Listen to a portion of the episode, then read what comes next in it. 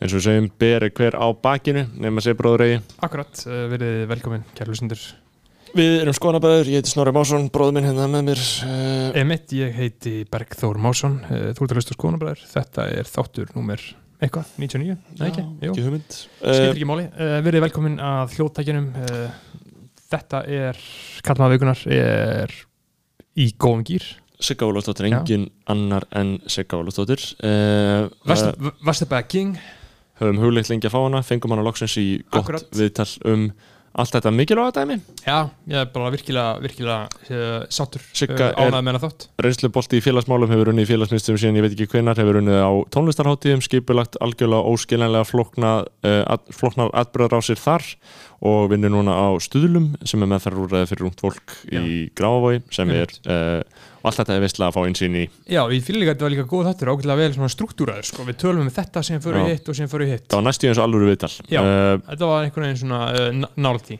áður en við uh, vindum okkur í það þá er réttast að við getum þess að við byggjum þennan þátt þannig upp að við fáum sagt, uh, stuðning frá okkar uh, hlustendum og ásköfundum á uh, forrutinu Patreon Patreon.com skástrík skoðanabræður, getur tjekka á því hérna í linkinum. og þá skellir fólk sér inn á Patreon það er bara nóg að googla Patreon skoðanbræður þá fáðu þetta upp og þá er þetta algjörlega idiot proof eins og segjum sem er mjög gott fyrir okkar hlustendur. Uh, og ef að þú gerist áskrifandi þar það eru þrjáur áskriftarleðir þannig bara eh, ógeðslega ódýrt.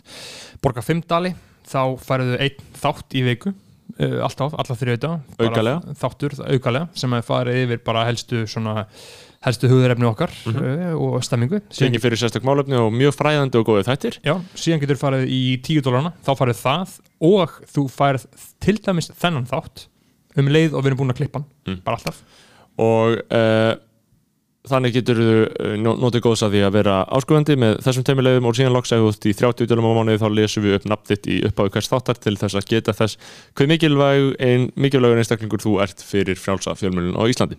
Akkurat. Uh, og síðan uh, er náttúrulega bjóðu við upp á uh, áskriftarleið uh, fyrir þann sem er styrkjakongur og það er sérst uh, núverandi styrkjakonungur er engin annar en drululululun, Jóhannes Haugur Jóhannesson stórleikari, meistari, listamæður hann, skoðanabróðir hann styrkir okkur um 90 dali uh, á viku það á er mánuði. á íslensku krónum, veistu hvað það er mikið? Uh, ég, skal, ég skal googla hérna Ég er 90 með, til dollars to ESK og til þess að ég takja það fram þá er ég með gríðarlega nýstandi samvinskupið yfir því hversu hár þessi styrkur er orðin hann hefur efna á þessu. Já, hann hefur efna þess Já. að hann fær Hollywood peninga já, já. uh, þetta er 11.294 krónur. Það er ekkert svo mikið sko. Um mitt fyrir það að uh, aug, fá auglýsingu hérna í byrjun hvers áttar. Sem einn uh, af aðal og helstu kings Íslands. Akkurat. Uh, uh, Jóhannes Haugur hefur leikið í fullt af shiti sem ég mæli með að fólk tjekkja á Já, svo kemur hann í þáttinn bara um djúðisveisla verða Við þurfum að hafa það í janúar bara, eða ekki?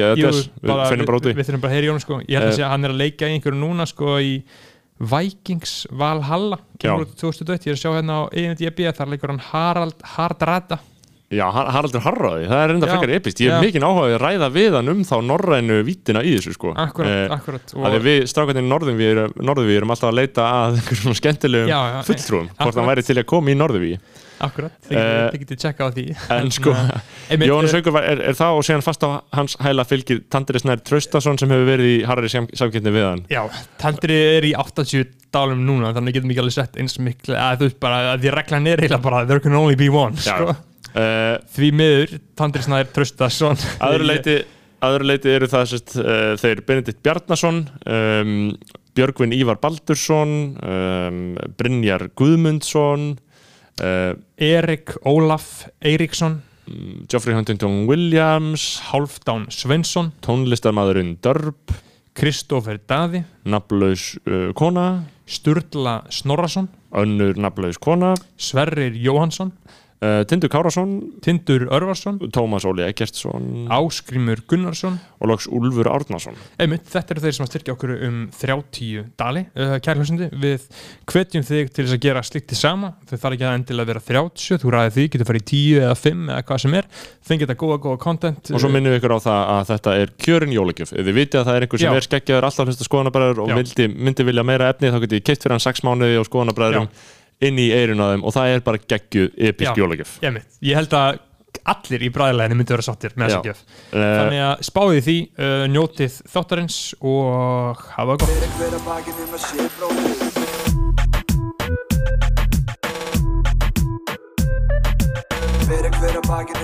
bróðir Fyrir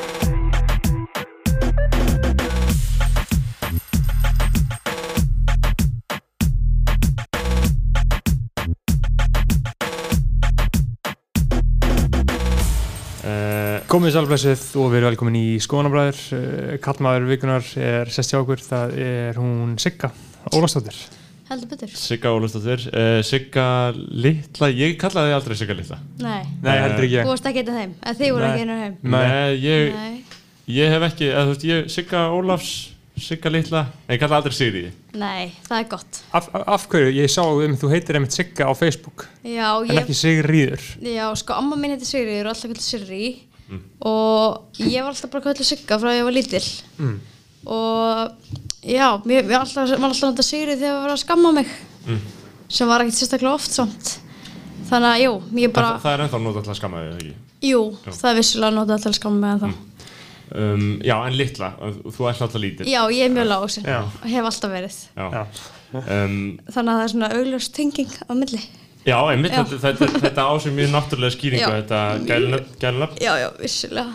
það var samt býrið sjokk, sko, ég man alltaf eftir, hérna, var eins og vinnum mínum á Londromat, hérna, mm. fullt af strákavinnum sem ég á, og þeir eru allir, ég er svona, hvað heiti ég í símónum ykkar, strákar, eitthvað svona, og þeir allir bara tók upp símón og voru eitthvað, já, heiti Sigga Litla, svo voru allir bara fokk, okkur, við erum bara orðin 25 eða hvað sem vorum gömur, bara þú heitir alltaf Sigga Litla í símónum okkar, að þeir breyttið allir. Breytti Eh, allir? að, já. Í Sigga Stóra Nei, unnstætt vinn minn breyttið í Sigga Góða, Já, það svo er gott, sko. fallett Mér finnst það lýsandi, sko, bara flott sko. Já, takk fyrir það. Þannig að já. Þú hefur náttúrulega verið góð við unnstæðin í gennum tíðina þú, Já, maður reyndi að vera góð við flesta sko. Já. Hann hefur þurft, þurft á því að halda Já, Em, eins og öll held ég. Já, sko til þess að uh, varpa ljósi á persónuna hérna uh, Sigga Litla uh, um, umbóðsmaður uh, social worker Um, Já, uh, hefur góður íslensku hef, hefur mikið verið í uh, á uh, tónleika tónlistarháttíða King Mhm. uh, Einmitt. tónlistarbransa King já, ok. uh, Ertu ekki sammála öllum? Nei, kannski- vilt kannski ekki segja það sjálf já, já, ég vil að vinna í, unnið í tónlistabransa, vissulega. Síðan ég var svona 17-18 ára. Já, Þannig að, jú, en svo hef ég kannski aðeins minkað núna undarfarn ár. Já, er það ekki málið? Jú, ég er svona, sko þegar Æsland Erfifs Grímur Allsson hætti að vera rangatstöri Æsland Erfifs þá hætti ég að vinna þar. Já, bara svona þú veist um kaplaskil og okkur bara var ekkert, ekkert sérstætt sko í rauninni. Nei. En bara þú veist þá Hvað tók við að alltaf sinni þar? hérna sena Já. eða Ísleifur. Já, sena kefti bara allt dæmið Já, bara allt og það var í rauninni, þú veist, þannig að ég ekkert haft samband við mig þannig að ég, og þau sitt fólk bara á sínum snærum þannig að þá, ég leit bara svona, svona ákveðin kaplaskil sko, Já. Einmitt. búin að vinna á ell, nei, ég held að 11 erfishóttum Vá, eða eitthvað, þannig að Það er náttúrulega viðbjörnslega mikið, þetta var þá um aldamót og já, 99 Já. á minni. Einmitt. Og síðan varstu náttúrulega líka uh, framkvæmda stýra sónar. Já, ég var það svona hálfpartir í rauninni, af því að hátíðin er í rauninni aflýst, sko, sem ég, hérna, á, að, fyrsta hátíðin sem ég er með, sko, í rauninni. Og það, það er hérna vorið 2019 Já, það var bara þannig að fall váer var og sónar náttúrulega svona spænsk hátíð á, upp, svona upplægi. Já, Þannig að, já, það var bara tekið svona ákvörun, af því að það var ekki mín ákvörun, það var bara þeir sem eiga hátíðina. Hvað var af hverju þurfti að aflýsa? Var það ekki bara því að allir voru með miða hjá á? Jú, það voru sko bæði tónlistamenn og fullt af gestum og við sáum bara fram á að tapa ógslega miklu pening ef við myndum gera þetta svona og tónlistamenn sem hefði bara ekki komist til landsins sem áttu að spila og bara þú veist, stundum þarf maður að taka sjúklegar erfiðar ákvarðanir. Hvernig var það? Voruð þið bara á einhverjum fund og þú veist, var þetta ákveð bara ok, fokkið gerum þetta var og gera það strax eða var þetta einhverja daga að Nei, meldast? mör, þetta var margir dagar að meldast sko Já, og margir fundir og náttúrulega líka með þeim sem eru út á Spáni Mhm. stýra hátíðinni þar og jú, jú, þetta var bara veist, við vorum alveg rosa mikið að báðum áttum og þetta var alveg mjög svona erfið ákvörun Mhm. en engar síður held ég eftir á ekki að hafa verið bara mjög skynsalega ákvörun sko. Það ég- er held ég bara rosalega eðlilegt að vera vinni tónlistbrasa á skuldafyllta pening sko. Já, mér lífur reyndar eins og, eðna, eins og það sé svolítið tilneying tónlistaháttíða já, en, en ekki- en sko ég man líka bara eftir því þegar vá fjall sko, þegar við vorum, ég var í, nýri HÍ í tíma held ég, þegar kom bara eitthvað svona vá, man ekki hver fyrirsvönu var en bara að það væri fallið. Og þá einmitt fóru, fóru þetta strax að tala um sko hvort að Sónar geti staðið undir sér. Já, akkurat. Uh, en þetta var svona algjör krísa sko en þú veist það vissi enginn þarna uh, hvernig COVID er því sko. Þú Nei. veist, manni fannst þetta algjört áfall sko. Ég veit það, en svo, og líka þú veist, við hugsaum líka við, sem svona íslenska teimi á baku sónar Reykjavík að þá við hugsaum líka bara hvað hva hefðu við gert núna ef við hefðu verið bara, já, við erum bara að halda hátíð 2020 og að því hátíðin er venilega í februar og mars eitthvað svoleiðis og bara á svona fundamental tíma í þessum, þessum blessaða faraldri. Það stóð ekki til að halda hátíð núna? Um, Nei, í rauninni ekki. 2020 Nei, það var svona, var svona bak við eirað eitthvað af því það var bara, þú veist Jújú, jú, við hefðum alveg til að halda, halda hátíðina en það er svolítið svona spánverðinni ráðis svolítið þeir, eig, þetta er svona franchise. Þannig að, já en það, jújú, jú, þetta hefði alveg staðið til innan svona, en, en, en það, það, það var ekki verið að skipulegja nei, það var ekki verðskipleikana Nei, Mér er þetta gott að spánur er þetta sko, það Já. er mitt, mitt fólk. Það er líka bara geðvegt að fara sónar í Barcelona, sko. Já. það er bara, ég fór sko mömmu minni Mm. þegar við vorum í Barcelona 2000 og 2012 finn- minnum að ég, 2014 kannski. Jú og CCA var að spila hérna á svona Barcelona og við fórum bara einn dag og bara ógæðslega gaman Já, það, það er fattigt að heyra að fara Já. í móðinni Ég hef heyrt að nokkrum harsvíriðum eitthilega mönnum sem, já, sem Já. að fara þess að já ég hef með þetta þeim líka Já, já, maður hefur heyrt, heitja sig sko, og náttúrulega okkar menn spilið þarna já, já, Atlas nákvæmlega Já. spilið á Sóna Barcelona einmitt, ég fór ekki með í þá ferð sko Nei, nei. og við erum ekkert að tengja Harsvíru nei, nei, nei, nei, ég veit það Harsvíru heitileg En þetta er, frábær, þetta er sko. frábær hátíð og hún Já. er ótrúlega svona kreatív, þú veist, það er rosa margt í gangi, það er ekki bara tónlist Já. Og það er rosa margt sem tengist tónlistabransanum, sko, yfir höfuð. Mhm. Já, algjörlega, ég held að líka bara svona, maður lítur á maður lítur á uh, svona, svona hátíðir eins og þarna erlendis og bara svona, svo, þetta er, þetta ein af eina svona stóra hátíðin Mhm, algjörlega. þetta svona dæmi í Barcelona sko. Algjörlega, sko. um, Og hvað er, það, hvað, er það við svona hátíðir? Af hverju elskar fólk þetta svona mikið? Hverju er þetta svona elskar að fara eða vinna eða bara að fara því ég meina að þetta gerðist bara á svona síslunum fimm árum að Já. þetta var svona rosalega vinsalt Að fara, já, sérstaklega að fara erlendis. Já, þetta er svona, eða ekkert eitthvað glænýtt en svona tildulega nýtt konsept í svona uh, ferðalögum, sko En ef maður hugsa þetta svona raunsætt, þá held ég að sé kannski vegna þess að það er svona tiltölulega ódýrt að fara og sjá ótrúlega mikið af listafólki og Já. upplega svo mikla stemmingu. Sem fara það sá spila en heldur bara upplifuna og stemminguna í kringu það. Já, ég, ég held líka sko að, að þú veist, ef maður setur þetta bara í samingi við efnahagsþróun á svona tíma þá er bara búið að vera það mikið góðari hérna að Algjörlega. fólk hefur efnaði sko. Ég fór 2017, þá fór ég við fórum í feb, þú veist, ég var námsmaður. Ég hafði ekki verið í neitt í vinnu. Við fórum í februar á Drake, Beggi, ég og þú í London? Já. uh, januar það var gekkja og svo fór ég í júli bara sama ár aftur til London á Wireless Já, einmitt. uh, sem var hluti af einhverju styrlun sko, að já. gera þetta um, ekki góði tímar í lífinu en, en uh, nei, nei, akkurat en, en sko, en að vinna, ég meina þú veist ég náttúrulega persónulega fæ mjög bara kvíða við að hugsa um alla snúrurnar og allt vesinni sko uh, hvernig er þetta hægt? Hvað, hva, uh, flækist að breyna þetta festist eða? Já, Eða bara- þetta er svolítið svoleið. Ég er náttúrulega, sko, hef verið að vinna í svona baksviði og séð um svona listamenn. Og ég hef náttúrulega oft líkt þessu sama bara við í rauninni bara svona verkefnastjórnun eða vinna með fólki eða í rauninni bara hvað sem þú gerir þannig laga, maður getur tengt þetta saman. En ég hef alltaf séð svona baksvið og séð að listamenn líði vel og passa mig að koma eins fram með alla listamenn, sérstaklega ef maður vinna á svona tónlistrátjum og maður held mig að hafi tekist það svona ágætlega í því sem ég hef verið að vinna. Og jú, svo er þetta náttúrulega bara er ég svona smá adrenalín fíkil og dyrka hafa mikið að gera.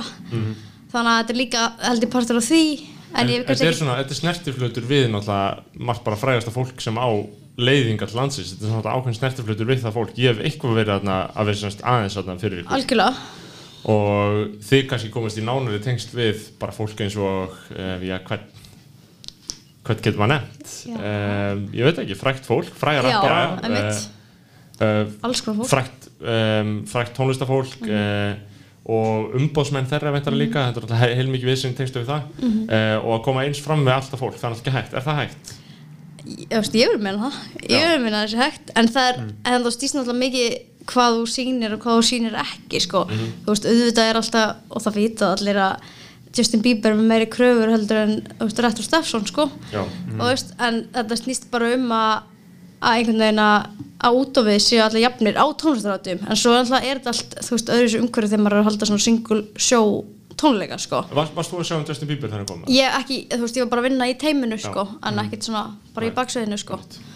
Þannig að Og þau eru með þessa rætira já, þessar rættir að mm, Við þurfum að varpa þess ljósa það fyrir hlustuti Þú veist, þegar, þegar þessi tónlistamenn koma einhvern landsins þá senda þér einhverju umbóðsmenn senda þér einhverju lista af drasli uh, sem þið vilja.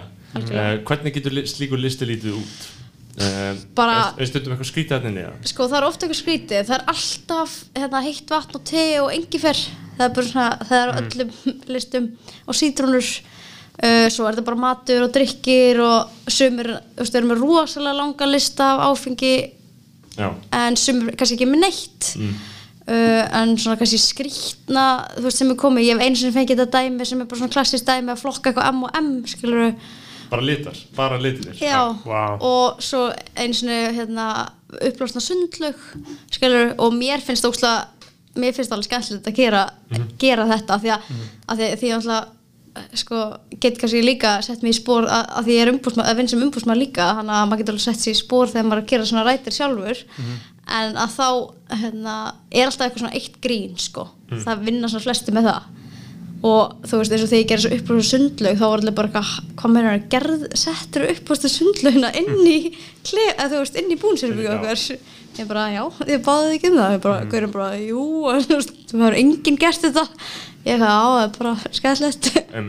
Að- að fylgja, fylgja dæminu bara. Já, En er þarna, uh, yfir sem tón, er mikið lengt yfir þessu til dæmis, eru svona N- NDA samningar uh, það sem þú ert að skrifa undir sem að segir að þú mátt ekki segja neina frá hvað þessi baðum og allt svoleiðis eða er, er þetta ekkert svo flókið? eða? sko stundum var það þannig en yfirleitt ekki ég skrifa Já. aldrei, þú veist, ég skrifa eins og tvisar undir eitthvað samninga en, en það, hérna, ég mann því að ég var að vinna og þá fekk maður ofta eitthvað síndur frá blaðmennum og eitthvað, hvað er þessi með og að ég veit mér fannst, mér fannst alltaf úþarf að vera eitthvað að gefa það upp. Ég held að ég hafi bara eitthvað svona tamið með það bara Já. frá upphafi, sko. Að gera það ekki, sko. Einmitt. Já, ég er hérna maður er náttúrulega miklu örugari þannig sko. Um, sko, en út frá sjónarhundi blaðmannsins, þá finnst mér þetta illa við að, að, að góðum blaðmannum já, en sko, síðan voru við náttúrulega líka með solstís. Ég var einhvern mann annan solstís og uh, var að, að uh, bara beinlýnis vinna fyrir þig í grunninn við að við sinnast bara, bara einhvern veginn þegar líka fekk maður miða Já, já. og uh, uh, fekk að fara inn á hátíðina. Og gegn því að maður þrælaði sig þetta var svona því hugsa út í það var ekki sér tímakaupið uh, mjög lélegt. mjög leiðilegt í raun og veru en maður held alltaf auðvitað að maður væri að græða feitt sko. Mhm. á því að vera bara fá miðan ókipið sko. uh, og það var planið. það var hugsunin væntalega hjá okkur um, og ég veit að þið voru líka ekki sérstaklega á sérstaklega góðu tímaköp þetta var svona einhvern veginn gott system þar sem allir voru að liðlega tímaköpu og það þurftu bara allir að fyrkja það. Gaman aðeins svona kerfum að sem allir einhvern veginn svona, allir er að vera arðrændir en þú veist, uh, það er alltaf einhver að græða pening, skilur og þó, skilur það, því að þá hugsaði ég líka þú veist, ef maður reykur sem, ef maður followar moneyið bara eldir, þú veist, það er eiginlega enginn sem græðir. Það er svolítið þannig með tónstrótir en hérna, sko ég náttúrulega hef, sko, ef þú tala um með svona þrælkun, sko, þetta er náttúrulega smá þrælkun, en ég er náttúrulega það er svolítið, þú veist, ég hef alltaf haft óstum mikið áhuga á þessu, mm skilji, og ég, þú veist mér finnst óstum skemmtilegt að vinna tónstrótum þetta er bara partur af lífinu, þú veist, ég vann á fjórum tónstrótum stundum í þrjú, fjóru ári röð sem náðu bara árið. Og það var sjúklega skemmtilegt, skilji Já, að þú ge- gerðir bara það, það Já, og var að vinna í félagsmyndstöð líka og var í skóla, en annar mál. Og hérna, en það, veist, það var skemmtilega, svo er þú veist, kannski sumir sem langar bara að koma að fá sér arband og vinna smá og bara það var svo gaman, Já. en þú veist, svo er kannski svona nokkri sem hafa bara haft meira áhuga en aðrir og þau hefur kannski verið að vinna með mér meira, skilur Já, já. en, en sko eins og með solstis uh, ef við tölum að Sigurd Solstis hvernig var það haldið síðast? 2019 19, já. Það var haldið Já, það 2019 var haldið 2019 Það var og 2019 það, þeir voru mikið að tala gegn því sko. það, það, það heldur allir að þetta myndi feila Já. en einhvern veginn tókst þetta já, og gekk vel Já. og ég var bara, ekki að vinna þá 2019, það er nefnilega mögnu sko, sagan Já. að Sigga Solstis eftir, að- það, sko. eftir að Víkingur Heiðar tók við sko. Bara hvernig, Bara ótrúlegt, sko. Hvernig sko honum og hans teimi uh, hvernig þeim tókst þetta sko Algjörlega. bara allir hlóa Já. það var allir bara því líkir hálfvita Og Reykjavíkuborg var alltaf að reyna að segist alltaf banna Já. þetta já, já, Já. akkurat svo Eh. fengur náttúrulega leifi og, en þú veist, ástæðan fyrir ég var ekki var bara því að ég hafði ekki tíma fyrir það en, en hérna en ég maður fannst það leðilegt samt að vera ekki með sko. En, en sko, ví, Víkingur tók við 2018 eða ekki, og tók 2018 og 19 eða var hann fyrsta árið 2019 ég bara það? manna það ekki alveg. Gæti alveg verið, ég held að mín síðasta hátíð hafi verið 2017 alltaf hann hafi ekki, Jú, ég held það. Já, það gæti alveg þá voru ég svona manna það bara ekki. e eigendaskipti sko. Já. Ég man ekki, ég mist magnaði að ég hafa ekki vita að þetta hafi verið haldið samt í fyrra. Ég er kannski bara orðin það ógeðslega sorglegur að þú, þú, þú, þú, þú er bara að gleyma því sko. já, Gaur, þú veist, það er eitthvað svo langt síðan 2019 var já, já, já, en þú veist, það var fullt Pusha T var að spila uh, já, og það ég fórum mitt Já, þú veist, það var bara, það var bara vesla Það Já. bara bjóst enginn við Já, þessu það var Það heldur allir bara Fórst þú? Já, ég var hana er, var ég á Íslandi? Ja? uh, Já. já, já, ég man bara Vá, wow, ég fokkin hef ekki endur minni Við vorum með, þess að með skoðana bara í gangi þegar þetta gerist sko. Allavega, já. Við þurfum eitthvað að kíkja í dagatalið Já, bara, ég hef ekki Vá, ég hef ekki hugmynd sko. Nei, og þú veist bara allir, allt þetta íslenska var í gangi og þú veist þetta var bara 2019 bara, mjög gaman, sko. Já, ára Heyrðu, vestunar og Club Dub var Já, já, Já, það var 100% En þeir voru ekki ferskir þá Þeir, nei, þeir, þeir voru ekki nýjir þá nei, nei Þeir voru á 2018 Þeir voru nýjir Já. 2018 Já, já, já. og síðan, því. já, já, og síðan var svona Homecoming 2019 sko. Já, já. og, og þetta var sko einmitt Það voru allir alltaf að gera grína þessu og láta þetta eins og það myndi ekki ganga. Eða þú veist, ég hef aldrei séð neitt verið jafn svífist. Þú veist, það voru Já. allir bara því líkir fucking hálfvita. Og ég við ekki alveg að ég var svona ekki alveg svona fullblón með því, skilur en ég er svona alveg svona, já ok, aldrei fara að virka skilur, en þetta gerði þess að Og eru þeir ekki í meira hátta eða, nei, þú veist? þetta er bara hvað ég hafði komið út kom út að núli hjá þeim Já, svo skilst mér sko. Það er náttúrulega leðilega deilur ár- árinu undan Sko, allir 2018 hafi samt ekki verið Víkingur hafi ekki verið búin að taka við þá Jú, ég held það, ég, ég held Já. að hann hafi ekki verið komin sko. Nei, nei, nei. En, hann, en hann kom við, tók við þessu kannski í lok árs Já, gæti 2018 alveg verið, og þurfti þá að fara að díla við allt rétt. borga fullt af shitið sem getur ekki verið- já, borgað og, og, og allt svoleið sko. og síðan kom hann 2019 bara eftir allt þetta fjasko, bara versta PR sem einhver hátíð gæti fengi það bara höfðu þetta allir, Mhm. bara þeir borguðu ekki listamönnum, uh, þeir reynda að fá Reykjavík dæti til að spila hókipis og já, bara, já. þú veist, all, alls konar shit. Það var Eh, mjög skrítið sko, og honum tónum tókst þetta. Ég það bara setja mikla virðing hvað nafn Víking, Víking segðar Já, væri gaman að sjá þetta 2021 að þetta er náttúrulega mjög gott fyrir borgina. Já, já, já. algjörlega. Og bara, þú veist, það er náttúrulega búið, er búið að vera sorglegasta ár í heiminum, það er ekkert svona búin að vera í gangi. Mm. ég, held að, ég, ég, held að, ég held að við getum haft sko, tónlistarháttíðir næsta sumar. Ég held að það geti verið tónlistarháttíð og ég held að myndur allir, allir mæta. Ég held að þú getur haldið hvað sem er næsta sumar. Já. og það myndir allir mæta sko. Já. Það var líka einhver að tala um að, að skilur það er svo mikið, mikið buffer af öllum útskriftaveislum, það er svo mikið sem á eftir að halda ammæli, stóra ammæli, alls konar þannig að maður verður bara í partí um, um leið og þetta byrjar Já. að Já. vera leiðilegt sko. Algjörlega, um, Ég fagna því mjög já já, Eh, sumarið, sumarið 2001 sko það verður stóra sumarið sko. já, já. um, Drake þurfti að gefa nýtt lag eins og gaf þetta Summer 16 sko Já, já. en þeir, þeir sagði nú að það hefði verið liðslega, það voru einhver what the, ég, ég, ég elska það sko. ég elska það um, en já, Sigga, þú erna, uh, ert líka að vinna uh, á stöðlum, Já. eða ekki? Jú, það sko, ég er eiginlega bara að vinna þar núna, myndi Já. ég segja Mm. Ég er náttúrulega, Ertu í fullu starfið þar bara? já, ég er, ég er fullistarið þar En ég er svona aðeins búin að vinka, ég er í mastersnáma líka já. Þannig Hva, hvað er þetta að læra? Það heitir hagnýtt atveldskreining Um mitt, getur okay. okay. sagt okkur eitthvað frá því að Já, ég get það Já, hvað, Eh, hvað er það? Það er rauninni bara svona að vinna með hegðun og skilgrana hegðun og breyta hegðun Mm. Er hægt að breyta höfð? já, ég vil meina það Já. og náttúrulega þetta er svona veist, þetta fjallar mikið um veist, lítil börn bæði, veist, allt frá börnum sem eru með einhverfu eða einhver Mhm. þróskafrávik eða slíkt, en svo líka börnum með hegðunavanda og já og í rauninni bara svona svona pínu konseptið að þú veist, börn gera alltaf það sem þau halda þessi rétt í þeim aðstæðum sem þau eru í. Já, og já, þetta er svona svolítið mjög áhugavert. Og ég vissi, jú, ég vissi alveg hvað ég var út í en samt svona, kannski ekki alveg 100% en þetta verður bara, já, þetta verður bara svona skemmtilega og skemmtilega með hverjum degum sem liður, sko. Og er þetta bara fyrir börn? um, þetta er, hefur alveg verið gera rannsóknir með eldra fólki, sko. En, en þetta er svona, hugs, þetta er svona þú veist, fókusur á börn, sko. Já, já. Og ung- ungmenni, eða þú veist.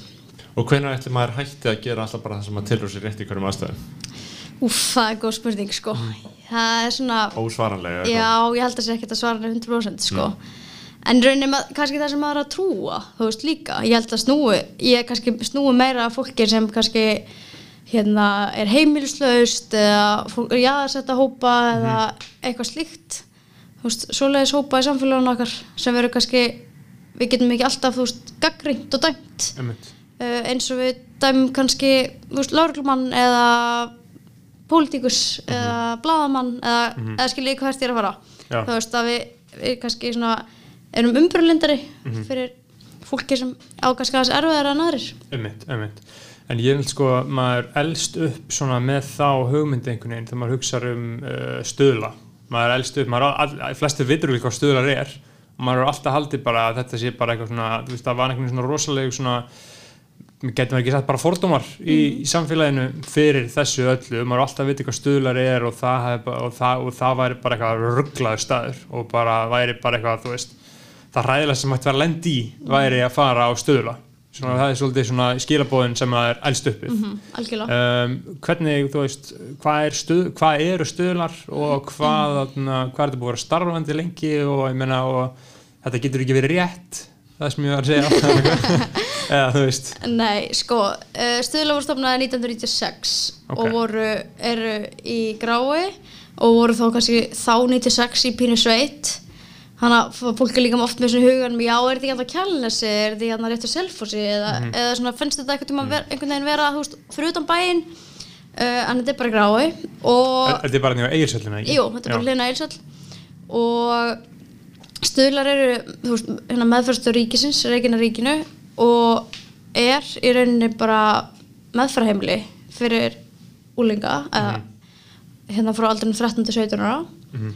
Og já, það sem nefn bara uh, kannski já, fyrir börn sem klíma við hegðun vanda eða mýmömnu vanda eða eitthvað slíkt sko. Og maður hugsa sko hvort að samfélagi sé að ná betur utanum þetta alltaf, allt, þú veist, heldur að við séum alltaf að ná betur og betur ut- utanum svona uh, uh, bara crazy shit bara, erum við alltaf að vera er þetta alltaf að fara í þókast í rétt átt skilur ef, ef, auð- auðvitað fáum við já við þeirri spurningu við miðum þetta við bara klassísku einhverja hagaskóla árganga skilur en þú veist heldur það, erum við að Sko, að einhver leiti, auðvitað.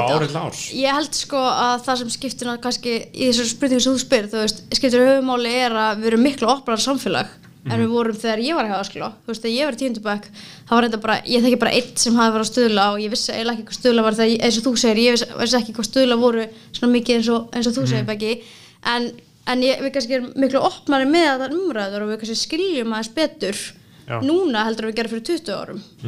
Og, og, hérna, og við kannski erum ekki jafn fordómafull, eða ég held ekki. Ég held við séum ekki eins fordómafull. En það er alltaf þegar ég segi já, ég, já, ég er bara hérna að vinna á stuðlum og bara, ah, er það ekki erfitt? Ég fæ alltaf bara nákvæmlega sem spurningun, alltaf bara nei, það er bara erfitt eins og hver hann er vinna en það er ógæðslega skemmtilegt. Einmitt.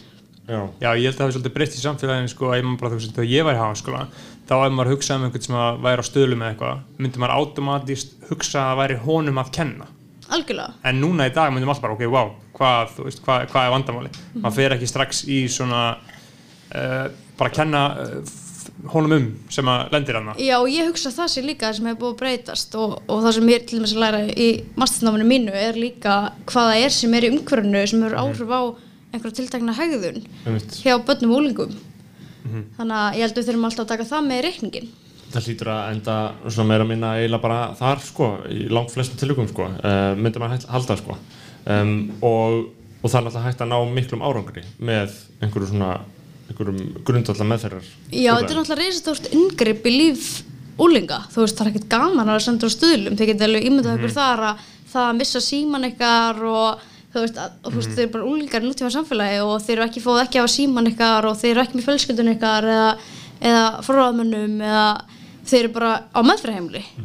En auðvitað er starfsfólki fárlega gott og þessi sjálf frá á stuðlum og reynum að gera allt sem okkar er valda stendur til þess og að missum maður síman, er síminn tekinn að manni Já, þú veist, maður fær ekki, þú veist, þú ert bara svolítið, þú ert Já. svolítið að lo- losaði við neyslu félagina og losaði við svolítið umhverju sem þú ert hefur verið í. Og það er kannski ástæða fyrir út með síma og svo líka bara að maður getur gert allt með, allan fjanda með símanum nútildags sko.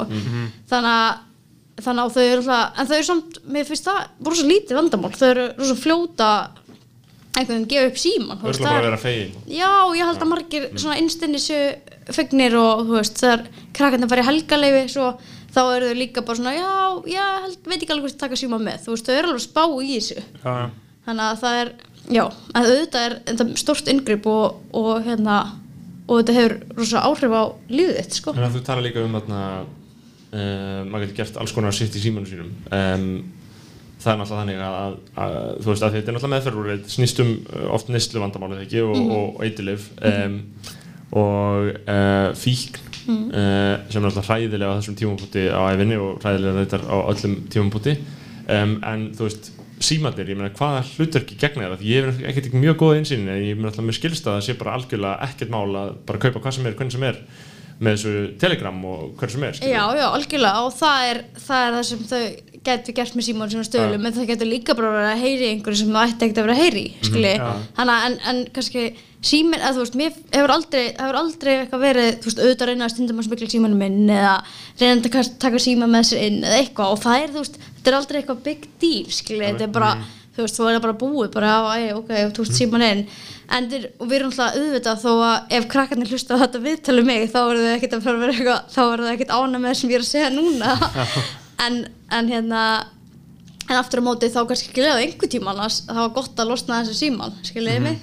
Já, ég, ég held að ég geti sagt sjálfur mér að bara vera ekki símanum skilur við gamla, eða svona aftur í tíman það er sko. ekkert geggja að hlusta á okkur starfsmann og stöðlum bara herraðu og ekki síman þú veist. Já. þannig að já, þið geta alveg ímyndað hverju þetta sé þú veist, að verandi 14, 15, 16, 17 ára og, og fara í eitthvað svona og þið missir svona svolítið þú veist, ykkar rétt eða þú veist, eitthvað rétt að vera í símanum og, og svo framvegis einmitt. Og er þarna uh, er aðal vandin eða aðal svona uh, aðal það, aðal ástæðan fyrir að krakkar koma á hann, er það eitthvað? Já, það er svona, svona hegðunar og vímöfnumandi þú veist, Já. til dæmis að hafa ekki til dæmis kannski vera ekki búin að mæta í skóla næstu í heilt ár, þú veist, og þá er verið að skoða ástæði þess og það getur kannski verið einhver að verið í neyslu eða eitthvað því um líkt. Uh, oft er þetta náttúrulega einhver annar þú veist, vandi, þetta er ekki endilega veist, mér finnst vímöfnumandi yfirleitt vera afleðing einhvers annar, sko. Uh, en oft er þetta líka bara eitthvað fyrkt eða þú veist, einhver vanlíðan eða Hvað hefur COVID þýtt fyrir þennan hóp sem er 13-17 ára uh, í vesinni skilur, hvað Sko- að, allavega að reyna að fóta sér betur. Þau eru alltaf mörg hver mjög kvíðin. Mm. þannig að, þannig að þau eru líka kvíðin fyrir að vera veik skilur og kvíðin kannski við fjölskyldumæðlimi eða sem eru líka eru áhættuhóp eða eitthvað slíkt. Þannig að þau eru líka þau geta líka verið mjög kvíðin fyrir þessu og kannski líka bara svona haldið sér til pínundir hlés bara ok, ég ætla ekki að fara á hitta partí eða ég ætla ekki að fara að hitta þessa félaga, mm skiljiði mig? Að ég held að óháð því sko, óháð aldurshópi eða óháð bara algjörlega skjólstæðingum á stöðlum, bara almennt séð bara þeir sem eru í einhverjum vandræðum með um, kannski ekki svona einhverjum algjörlega svona örla ríkum uh, fíknivandræðum heldur bara svona kannski einhverjum light va- vanda, þú veist ég held að margir þeirra hafi bara fengið smá létti við að djammi sé ekki í gangi sko. Algjörlega. Það hljóti ekki að vera? Ég held að það sé alveg rétt þau sko. En svo er þetta líka, þú veist, auðvitað við erum alltaf búin að geta, við á stöðlum gerum við það svo mikið, við erum svo duglega að fara og gera eitthvað, þú veist. Já, bara alls konar, fara í sundi eða ræktina eða í bíó eða þú veist keilu eða skilju, bara hvað sem er í rauninni. Og það er alltaf það sem er erfitt núna, þú veist, við erum alltaf miklu minna að gera, við erum alltaf verið hugmyndarík með að gera eitthvað til dæmis bara á stöðlum og, og það er óslega pyrrandi að vera bara inn á stöðlum og vera svona, ó, hvað er ég að gera, skiljuðu mig. Hann er bara dóldi mörg svona vídeokvöld og þú veist, eitthvað föndurkvöld og eitthvað, eitthvað slíkt, sko. Þannig að það er kannski svolítið erfitt þú veist, að geta ekki farið í þú veist, sund og, og rækt og svona reyfingu Uh, hvað, hvað eru margir krakkar á stöðlum og er þú veist byðlisti er þetta kerfi sem gengur svolítið vel upp eða sko það er svona bara mjög misjátt sko, það eru sex pláss á meðferðdelt á stöðlum og það er alltaf bara allir gangur á því hvort það sé byðlist eða ekki. Og þetta reynum að vinna þú veist, undar viljum við ekki hafa hann eina byðlista en það er yfirleitt nú ekki sérstaklega langi byðlistar en stundum, þú veist, þetta kemur bara alls konar sveiflum sko, já. það er svo erfitt að segja til um það, það er örgulega til einhver tölulega gögn samt Já, já. um það. En hvernig var það, ég meina, því að þessu típisku eins og við sáum hann í hafið séð hann kveikmyndina, hvað heitir hún, veðramót? Mm -hmm. uh, þessu típisku sögur að því hvernig það var líka aðeins hérna bara fyrir aldamót og bara hvernig svona meðferðarheimili hafa verið og þetta, þetta var náttúrulega mjög brútal það sem maður sá í þessum- þessari bíómynd sko og náttúrulega uh, hræðilegt. Og síðan eru líka náttúrulega voru að sjá hann daginn sem er náttúrulega kannski ekki eitthvað í tengslu við stuðlega en líka bara þarna þetta heimili þarna fyrir uh, fatlaða sem að fólk hafi bara verið lokað inni og meðferðin hafi bara verið crazy skilur uh, þú veist, er, er, er, er þetta ekki bara allt annað líf, ég meina, er þetta ekki bara orðið allt annað heimu núna, eða er, er, eru ennþá, þú veist, það þurfa ennþá að verða miklar umbætur í öllum þessum kerfum Þú veist, auðvitað er alltaf rými til umbóta, sko. Já. Það er bara þannig allstaðar, skilur, við værum rosa, ég held að við værum rosa lé- með lélegt félagssett kerfi ef við værum ekki að pæla í einhverjum umbótum allstaðar. En aftur á móti, þá held ég að við séum náttúrulega komið miklu lengra en þú ert að tala um í þessum, í veðramót til dæmis, eða einhverjum svona gömlum meðfraheimilum. Akkurat. Þú veist, og þá er náttúrulega allt, það er alltaf opnara og það er bara miklu meiri svona siðferð eða þú veist það er miklu farið eftir siðareglum skiljiði mig. Þú veist sem var kannski ekkert gert inn á árum áður það var kannski ekkert mikið pælt í þeim þú veist. Fólk er miklu meðvitaðara um, um allt svona í dag sko Já, ég held það sko. Já, ég held að það hafi verið hræðileg stemming í þessu, eitthvað svona Ísland 70s, ef eitthvað starf út á landi, sko. Já, þú veist, ég sé þetta sitt og ég er bara, eitthvað, hvað í fucking andskotan var í gangi þannig, skilur við algjörlega og á sama tíma getur maður ekki sett því í spór fólksins, þetta er bara eitthvað svona kultúr, skilur Já, sem þetta er- myndast. Já, þetta er það og það, náttúrulega kultúrun hefur breyst alveg gigantnist Já. mikið þú veist, börn hafa miklu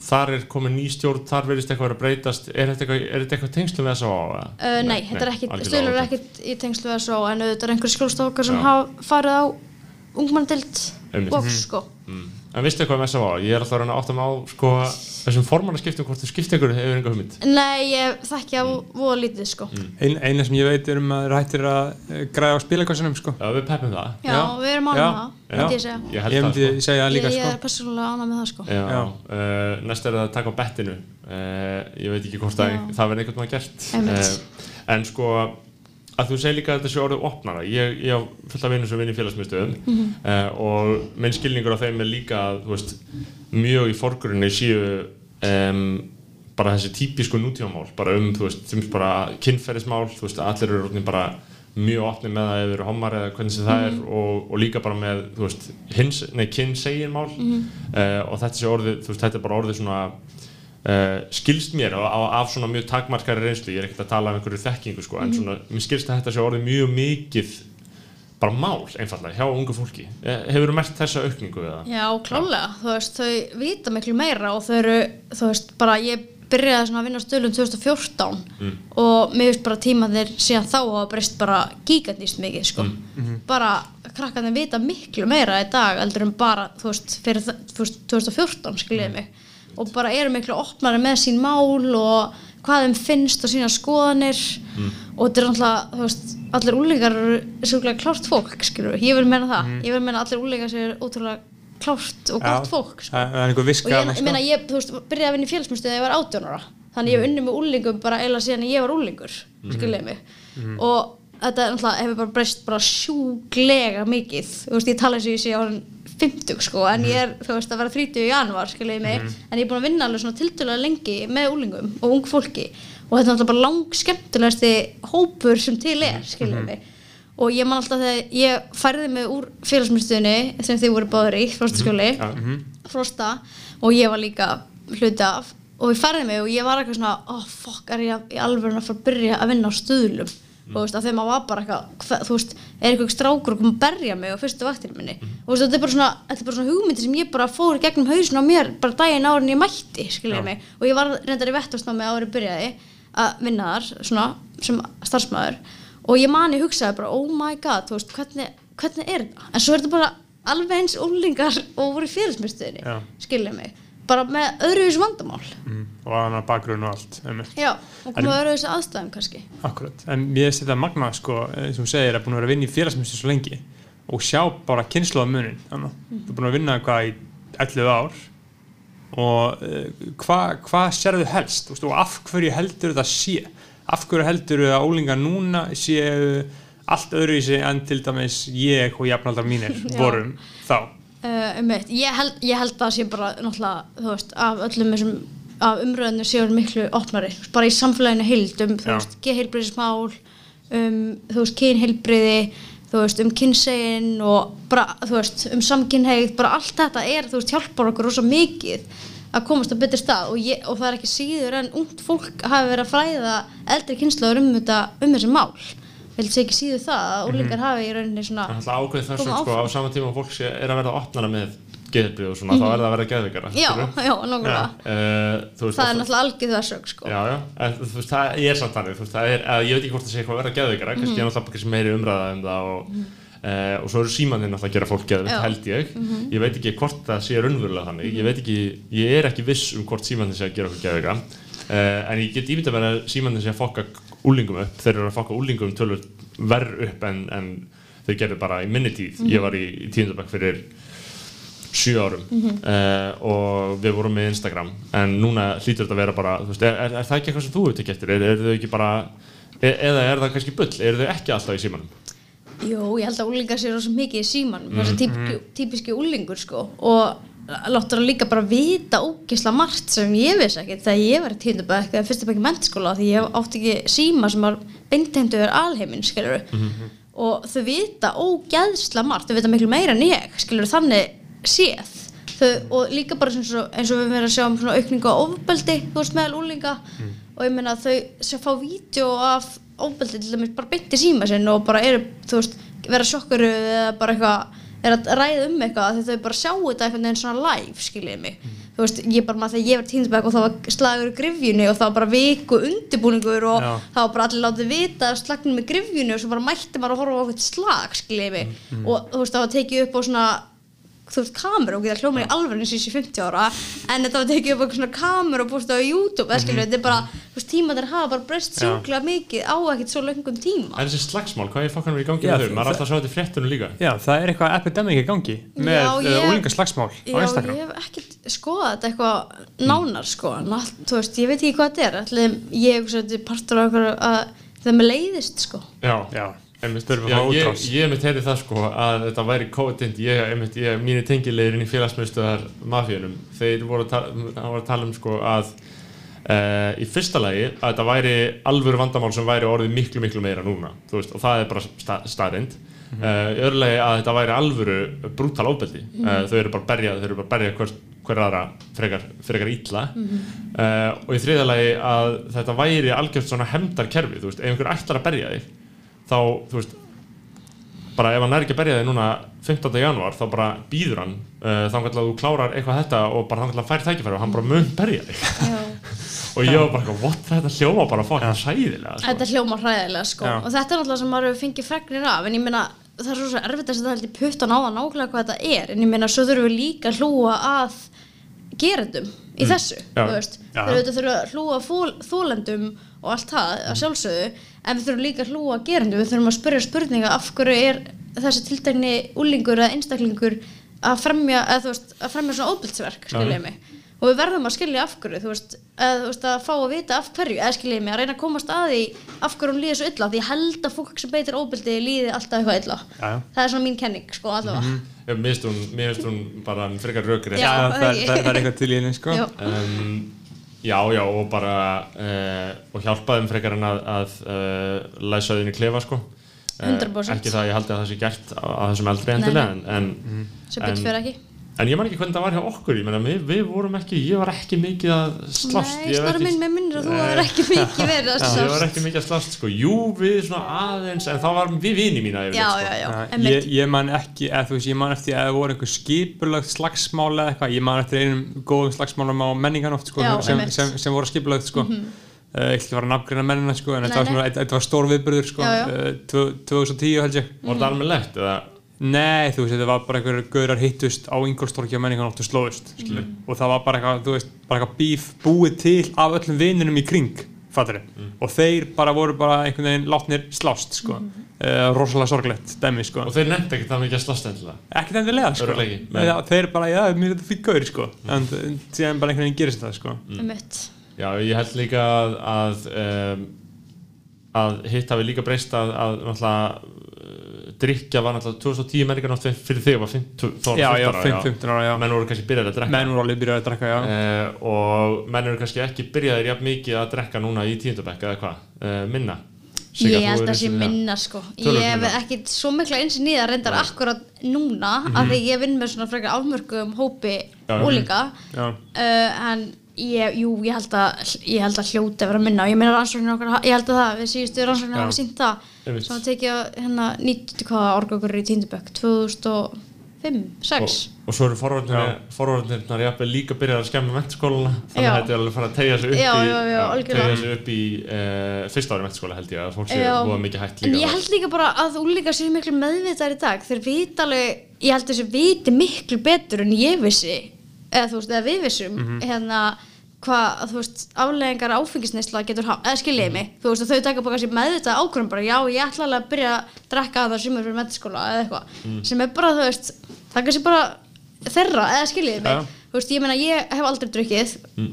og byrjaði aldrei að drekka þegar allir byrjaði að drekka ég reynda var, ég sagði þetta við skólstæðing á stuðlum einhvern tímann, ég sagði já, ég hef aldrei drukkið og, og hún bara, jú, víst hefur drukkið og ég er eitthvað, nei, ég lofa ég hef aldrei drukkið og, bara, og ég sagði, jú, ég hef reynda að teki svona sopa áfengi og það var bara, þú hefur drukkið. Og bara svona, það snýri svona algjörlega höndunum á mér. Akkurat, þannig að það varst að ljúga allt í hennu En það var að ljúa, en þú veist, samt ekki að ljúa því ég hef aldrei, þú veist, orðið fyrir undir áhrifum áfengis, mm skiljið, þetta er svona smá tíkja, en ég, bara svona við getum mistök mín í þessu, en þannig að, þannig að, en ég samt vissi ekkert af hverju ég byrjaði ekki að drekka, skiljiði mig, Nei. þú veist, ég bara svona, já, mér langar ekkert að byrja að drekka, hefði sé vinkonum mínar nokkrar eh, svolítið druknar og mér varst þetta ekki heillandi, sko, á þeim tíma, mér varst þetta ekki spennandi, skiljiði mig, og svo hefði ég náttúrulega gífurleg félagsverða og ekki feimin, eða skiljið mig. Og ég held að það sé oft þannig hjá úlingum að þau byrja svona Að að veist, þeir eru svona feimin eða vilja svona safna sér smá kjark eða eitthvað. Ég held að það sé mjög, mér finnst þetta einmitt magnað sko, ákvörðun um að byrja að drekka eða ekki sko, og af hverju það gerist? Ég man bara að sjá mér, ég drakk í fyrsta sinn í níundabæk sko, uh, en ég man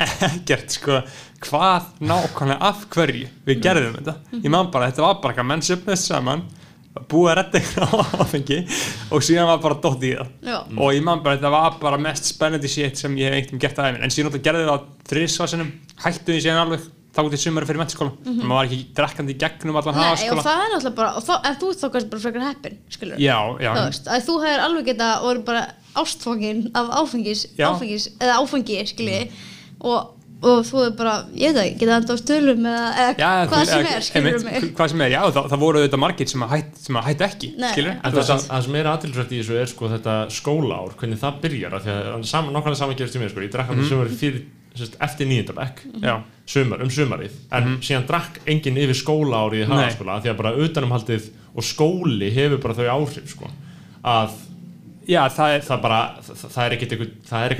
það, það er það það er það, það ekkert engin vettvangur til að drekka sko. en svo eins og þeir að tala um þú veist eitthvað, að ég held að það sé svo mikilvægt samt að taka þessi ákvörðun með sjálfur sér mm. -hmm. þú, var, þú, þú bara sem manneska þá varstu að standa og falla með ákvörðunuðinum skiljuðu mig og ég held að sem er þroska að taka bara ákvörðun bara beggi er að útskrifast og tíundabæk ég ætla að drekka í þessu partí, ég er bara búin að ákveða það. Eða skilji, Mhm. Þú veist, og svo bara kannski kortir áður eftir bara, nei, ég ætla ekki að gera það. Eða skilji, Einmitt. þannig að ég held að sé, þú veist, mér er mikilvægt að bara standa með sjálfur sér líka í þess, þessari ákvörðun þó Mhm. ég mæli mig ekki með neinum að byrja að drekka fyrir að allavega ára náttúrulega en skilji hvert ég er að fara, þú veist. Já, 100% sko. Hópþrýstingur er einlega svona fokkið mikið Já, hann er alveg Ro- rosalegur, hann, hann, sko. hann er rosalegur í þessu sko. Hann og það eru bara aðeins það eru bara þeir sterkustu sem standa snabbt sko. Já, það er svolítið þannig sko. og, og þversögnin Og þess að kannski maður, maður finnst þeir vera auðmingjar Já. sko, fyrir að drekka ekki sko. Ég en ég fekk alveg svo mikið, þú veist, ég var í mjög, átt mjög, þú veist, erfitt en að gæsla, menn svo er ég náttúrulega rosalega þrjósk. Þannig að þegar einhver sagði við mig bara hvað meinar, akkur ætla ekki að drekka? Ég bara, nipp, þú veist, það var bara, bara ákveð það skiljið mig, Einmitt. að ég ætla ekki að byrja að drekka núna. Og ég, samt, ég var aldrei ákveð, ég ætla aldrei að byrja að drekka en ég var bara ákveð að drekka allavega ekki þannig í 9. og 10. fyrst bæk mettskóla en svo man ég alltaf í tvítsámali mínu og ég ætla í tvítsámali og svona, eða þú veist, í svona sali eða þannig og var með eitthvað svona bjóri bóði og eitthvað og, og það voru allir svona, það var svona skrætt skrítin svona stemming ammalega þegar var allir að býða eftir að ég myndi taka fyrsta það er og ég þurfti svo Já. næst að segja bara, hei krakkar, ég er ekki að fara að drekka. Já. þó ég svona tvítug, skiljiði mig. Þið byrjið því bara að drekka, eða skiljiði.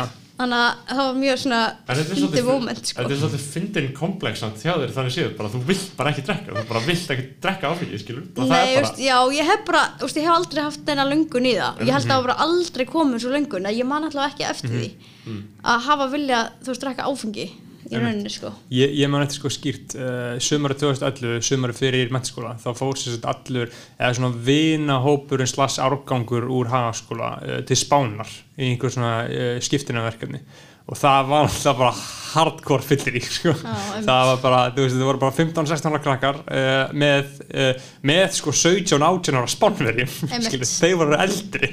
Og það var bara að fara út af götu og hamra sig hver einhverstu kvöldi. Og það voru bara margir sem elskuðu þetta meira en allt í lífi sinni sko. og ég man alltaf eftir því að ég vildi ekki drekka hana sko. þarna var ég búin að vera Edru King í eitt og hálft ára eitthvað eftir þetta æfintýri nýjöndabæk sko. uh, og, og ég drakk ekki hana og bara, þú veist, hafði ekki áhuga á því. Drakst ekki í þessari ferð? Nei, ég, ég ekki fyrir síðasta kvöldi síðasta kvöldi þá fjall ég fyrir hópþýrstingnum ég man því, ég var allan tíma bara, þú veist, gífurlegur hópþýrstingur, þú veist, þú varst í útlöndum og þú varst bara, voru allir að Bara í að- stemmingin í já, já, kringum þetta. Það var bara að drekka og reykja og bara með einhverjum spánverjum og það var bara að veistla og ég man alltaf eftir ég, ég, ég, ég hugsaði bara, ég vaknaði morgunum bara fuck it, að því var alltaf svo leiðalt hjá mér á kvöldin. Af því að þú veist, ég var svona einn á tveimur eða þreimur sem voru edru, skilur, með allir hinn voru blindfullir. Ég man eftir að tekja bara einmitt þessa upplýst ákvörðun, ok, að þá var bara að standa og halla með henni, sko Og þú rústaði þér eða ekki? Og, jú, jú, já, ég man ég var rosalega fullur sko. Ég var, man mjög vel eftir ma- man mjög vel eftir þessu kvöldi, þetta er ekki gott kvöld sko. Nei, ég man eftir einhverjum, það er, það er, ég heyri ennþá sögur af myndum að þér þetta kvöld. er já, það já, jú, jú, það, það er bóttið til sko. Þannig að því, í sama þorpi drakk ég sko fyrst 2014 sko Já. á Spáni. ro, ro, ro, rosal, rosalegt dæmi sko. Já, það er, er fyndið að rifja þetta upp. Um, en uh, Sigga, þarna Telegram, Telegram, já. Hvað hva er að frétta þar? hvað er svona the drug of choice? Hvað er, svona, hva- hvað er, er tísku dópi í dag? það er alltaf, dópi hefur alltaf svolítið verið í tísku eins og að Sanax faraldur hérna fyrir nokkrum árum Einmitt. og uh, núna líður mér eins og margir sé að vinna með eitthvað spice. Já, maður var aðeins hérst að spæsinu sko. Ég, ég, þú veist, ég eins og ég segja aftur, þú veist, ég vinn alltaf með frekar svona afmarka, Já. afmarka um hópi. Já, og, og minn hópur auðvitað, þessi úrlingar okkar, eiga alltaf, þú veist, allir fíla eitthvað og sömur alltaf bara mjög mikið prinsip, bara ég ætla aldrei prófa þetta, ég ætla aldrei að gera þetta, skiljiði mig? En þú veist, ég manna tíumbili, þú veist, á, voru svo mikið svona amfetamínu og kókaini var svona kannski mikið í umræðinu og grasi er náttúrulega alltaf bara er alltaf aðna, skilju en við erum samt, þú veist, mér er svo erfitt verði ég að segja, að mér er svo erfitt að tala um eitthvað svona drug of choice hjá börnum sem eru kannski 14, 15, 16 ára það er bara svo erfitt að ræða það þannig sko. og, og en ég meina, en ég meina og, og, og, og mér er líka hræðileg hugsun að hugsa til þess, skilur að kannski einhverju skjólstæðingar okkar bara taka hvað sem er mm. skiljiði mig, Já, já. Þú veist, það er líka svona vonda, þannig að ég, ég svona stundum vona pínu að þau kannski hérna finni sér eitthvað sem er kannski hættuminna eða eitthvað skiljiði mig, þú veist að er náttúrulega líka alltaf með eitthvað svona skadaminkunar Mhm, Já. pælingar í höfðinu já. að auðvitað vona maður kannski að þau kannski reyki gras eða tæki amfetamín eða eitthvað en séu ekki að sprauta sig eða, eða ekki að taka mjög þú veist taka langa túra á amfetamíni eða, eða eitthvað slíkt skiljiði mig. Væntanlega. en þannig að já, ég veit ekki alveg hvað ég að segja en eins og segir, ég bara, þú veist, ég heyrði miklu miklu meira í bara samfélaginu heldur en nokkuð tíma á stuðlum eins og með Sanax Einmitt, já. faraldur og, og hérna, þú veist, morfín faraldurinn sem geisaði náttúrulega hérna svolítið lengi Já. Þessi Það var svakalegt, það er já. nú, er það búið að róast eða? Ég held að maður sé bara hættur að heyra að því í fréttum Já, sko. ég held að sé bara það frekar sko. Við vorum að tala um þessa plástra þarna og að það Já, sé- fe- fentanyl og Já, allt það sko. en það er náttúrulega þeir sem eru komin í svona langvarandi, þú veist, fólk sem eru eldra Já. en skjólstanga mínir er sem komin langvarandi sprautinæslu eru rosa mikið að nota morfín og, og kokain og En heroin hefur aldrei tekið svo upp hérna í Íslandi. Það er ekki, hefur aldrei orðið eitthvað raun- nei, ekki svona heroin sem heroin, og hel, hel, heldur ekki krakk sko. eða þú veist, reykt kókain sko. Já, ekki það, alveg til dæmi um það, sko. Já. en, en sem betur fer eiginlega. Ég fælt svona smá, ég veit ég vinn með þessum málflokkin ég fælt svona smá í magan þegar maður talar um svona svona, svona hvað sem er choice of drugs eða hvað sem það er sem er í samfélaginu í, gang, að, veist, í gangi í samfélaginu. En á samtíma, þetta er svo, þetta er svo fyndið svona einhvern veginn þróun hjá mér, þú veist, einu sinni var ég bara ógeðslega reið.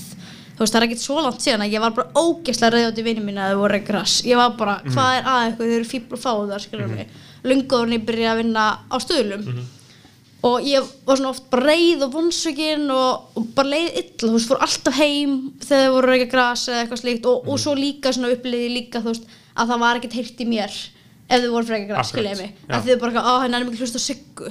Eða skiljaði, því ég var að í alveg bara svona actually bara frekar reið, skiljaði mig.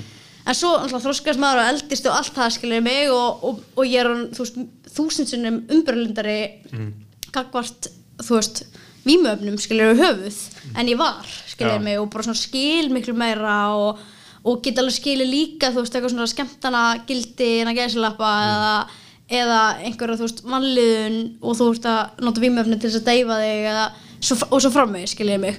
Þannig að, ég er bara svona gífulegt þú veist, þroska ferli sem ég hef farið í gegnum. Og ég átti rosa margar rökarar og svona erfið erfiða samræði við marga vini mína um þetta í gegnum Já. tíðina.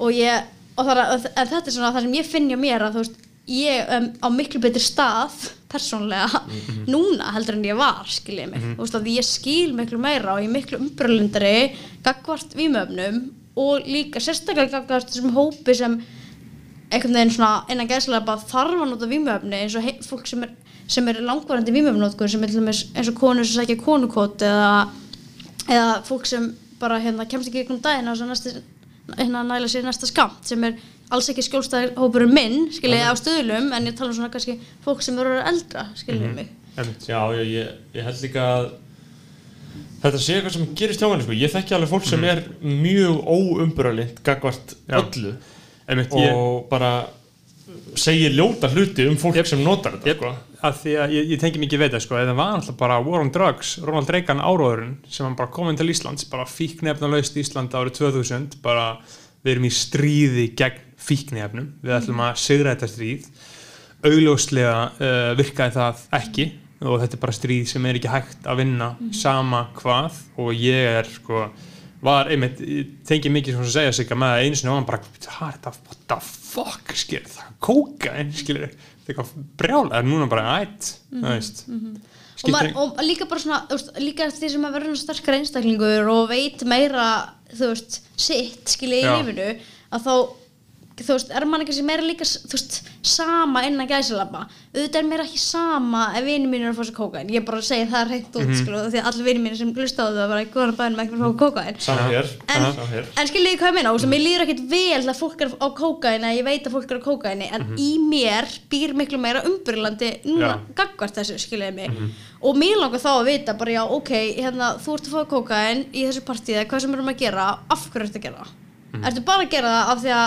að að það? Að það að þið langar að prófa og þið finnst það spennandi og þú ert að til fyrst skipti eða ertu að gera það því þið líður úrslega illa? Þið líður þessu eigir ekki heim í partí eða þú verður að vera kókain þegar allir eru að kóka. Eða skiljiði hvað ég meina? Mm -hmm. að, mér, mér, mér langar að skilja ástæðuna af hverju þú ert að kókain eða En þú ef veist, ég- ef gras ég- eða hvað sem það er. Ef við til þess hugsa þessa hugsun, þú veist, ok Ég, ég, þekki, ég þekki fullt fullt af fólki sem tekur kókain uh, Ég drekk sjálfur bara áfengi, aldrei prófa kókain uh, Mun aldrei prófa kókain Fyrir kannski svona 70 ára. Uh, Af því ég er því geðveikt háður því mjög fljótlega. Ok. Ég myndi örgulega ekki geta verið án þess Ef ég myndi prófa það, held ég. Ég er bara litið þannig á kókain uh, Ég sjálfur, ég drekk áfengi og einhver sem hefur aldrei drukkið áfengi til mér sem þú eða þá kannski einhver sem væri ekki þú uh, en hefur ekki drukkið áfengi myndi kannski horfa á mig og hugsa, akkur gerir þessi maður það sem hann gerir, akkur hann drekka áfengi? Er hann að gera þetta vegna þess að hann þjáist? Uh, já, kannski ber ég það utan á mér ég þjáist en, en skiluru ég myndi samt skiluru bera hönd fyrir höfuð mér og segja, þú veist, ég er ekkit bara að drekka áfengi af því að ég er sár þjáður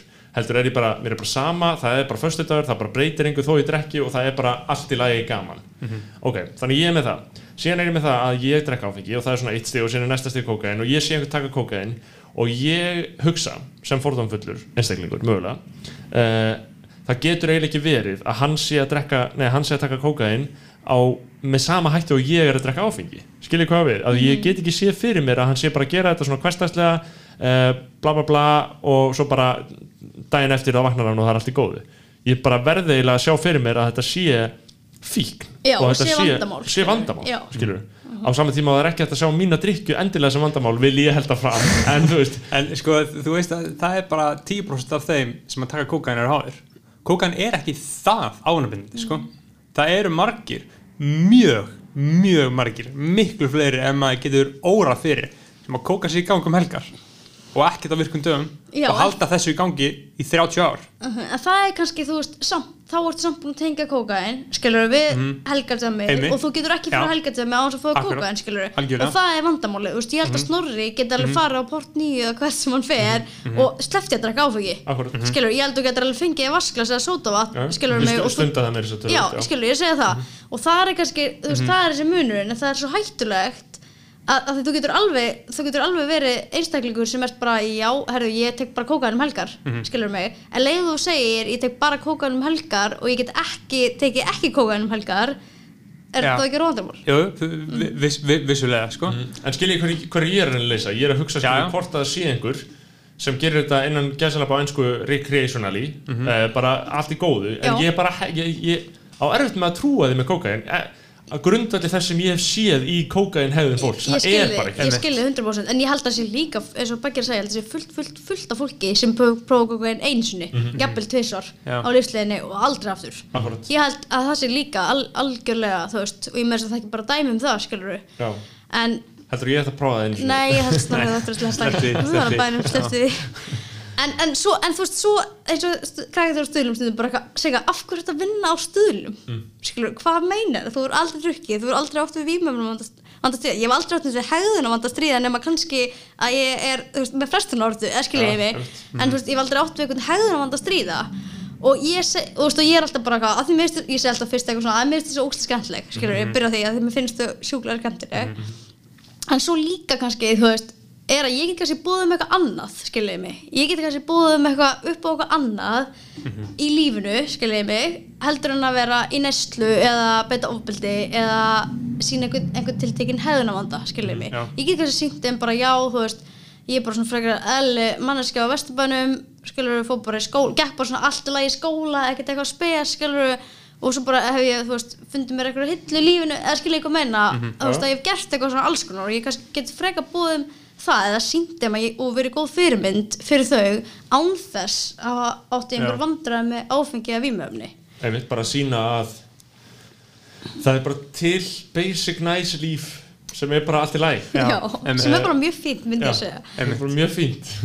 En svo líka, svo er það svo mikilvæg punktur í þessu samt að, að segja við þe- þessa, þessa úlinga og þessi börn að þau eru bara börn, að segja þú veist það er alltaf lægið þú hefur tekið nokkur feilspur núna, þeir eru ennþá ung og þeir geta ennþá gert svo ógæsla margt skilur. þeir geta ennþá búið lífinu upp á svo sjúklega margt skiljið mig. Og þú veist, að það er mikilvæg punkturinn að, að ekki ímynd sem eru þessu að, veist, að þau upplýsa þessu séu bara glötuð skilur mig, eins og skólakerfi og hvað gerir og, og þú veist, þau megi ekki upplýsa það, sérstaklega ekki á stuðlum þar sem þau eru komin í eitthvað svona eitthvað svona eitthvað meðferð úrræði skiljið mig, að þau eru svo hræðileg innan Já, gæslepa, já, skiljið mig. Þá sérstaklega með ekki sér eins og, eins og þessu glöt, glöt, glata fólk, skiljið mig.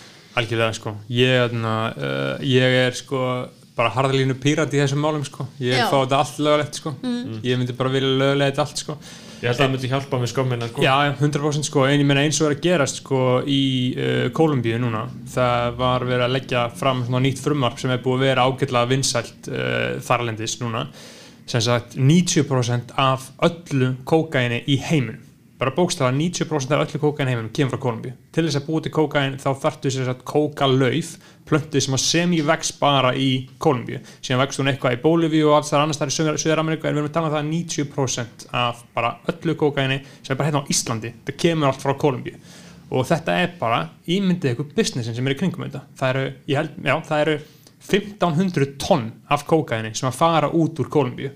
Og það eru bara ég held að Kolumbía sé 80 miljón manna þjóð. Það eru kannski svona, það sé ekki miljón að vinna í kókaini en ríkistjórnin er í stríði gegn þessu þau eru bara í algjöru stríði. Þau eru bara í sko það er bara búið að vera bara Ronald Reagan uh, bandaríkja bakkað stríð gegn kókaini í Kolumbíu og núna er sem sagt verið að reyna að innlega það að löglega þetta út af því ofan á allt þetta í Kolumbíu það er svo, svo afvegaleit störf út frá kókainu við erum að tala um það að 60% allra sem að búa í Kolumbíu af þessum 80 miljonum vinna í el sektor informal, bara óformlega hagkerfinu, þau borgi ekki skatta.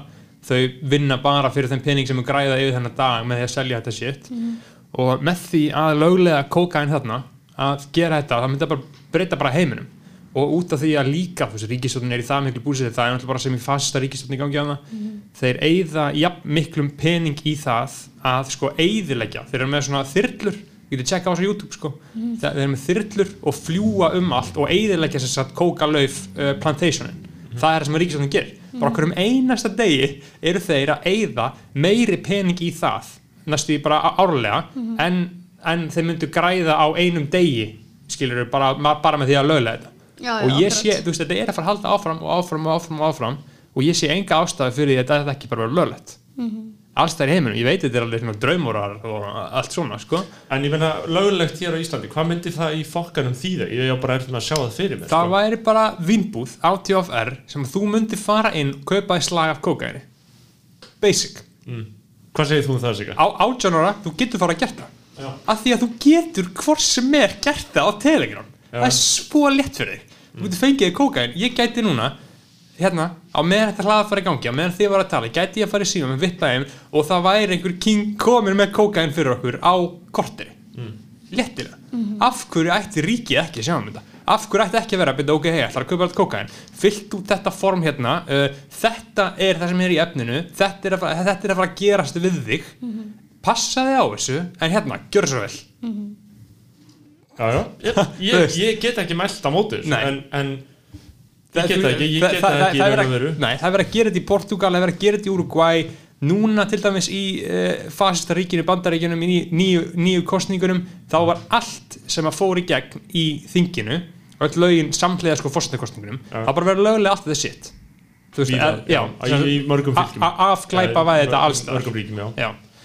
Ég held að þetta sé bara 100% framtíðin til þess að uppræta þetta shit. Ég veit ekki. Ég veit Nei, ekki. ég veit það ekki heldur sko.